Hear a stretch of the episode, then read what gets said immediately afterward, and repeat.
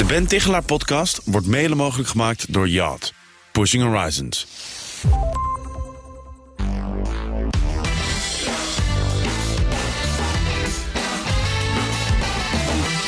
In de Ben Tichelaar podcast interview ik wetenschappers die onderzoek doen naar persoonlijk leiderschap, management en werk in het algemeen. Allemaal experts in het verbeteren van ons werk en privéleven. Maar welke praktische tips gebruiken ze eigenlijk zelf?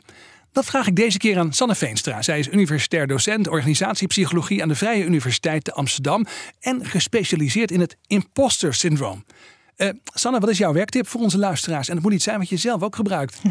Mijn werktip is uh, ook wel specifiek, uh, gaat dus over dat imposter-syndroom waar je het over hebt. Dus ook wel een beetje specifiek voor mensen die wel eens het gevoel hebben dat ze een beetje een imposter hebben. En bang zijn om door de man te vallen. Ja. Um, een, een, een, een, negatief effect daarvan is dat deze mensen snel geneigd zijn om zichzelf niet zichtbaar te maken. Oké. Okay. dus niet naar voren treden. De, de, bijvoorbeeld geen leidinggevende posities nemen of hun werk niet graag delen met anderen. Dus liever, liever onder de radar blijven vliegen, want anders val je misschien wel door de mand. Dat, ja, dat gevoel. Ja. Dat gevoel. Uh, um, en daar heb ik eigenlijk specifiek een tip voor. Dit is ook namelijk iets wat ik heel veel zie bij mijn studenten. Is dat ja. zij geneigd zijn, zijn eigenlijk hele goede studenten, vaak juist de beste studenten, die dan toch bang zijn dat als zij mij het werk sturen, dat ik dan zie dat ze eigenlijk niet zo goed zijn als ik dacht.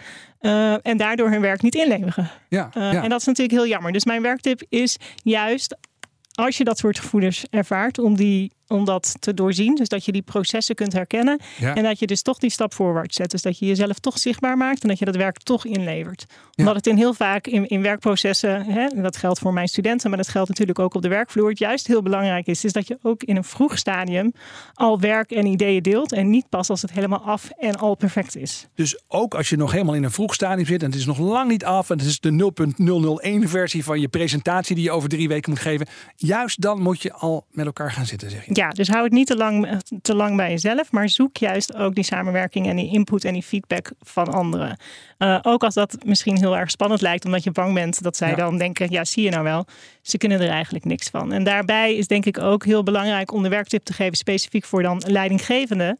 Hè, want we kunnen natuurlijk wel zeggen, ja maak jezelf zichtbaar en doe dat nou en zet je eroverheen. Maar het is natuurlijk ook wel heel belangrijk dat leidinggevenden en organisaties een context creëren waarin dat wat gemakkelijker wordt. Ja, dat het een beetje op een veilige manier kan. Dat je zegt, Juist. joh, eh, laat me nou eens wat zien. Het hoeft nog niet af te zijn. Eh, eh, iedereen heeft gewoon een eerste versie die niet zo goed is. En dan wel zo snel mogelijk met elkaar iets bespreken. Ja.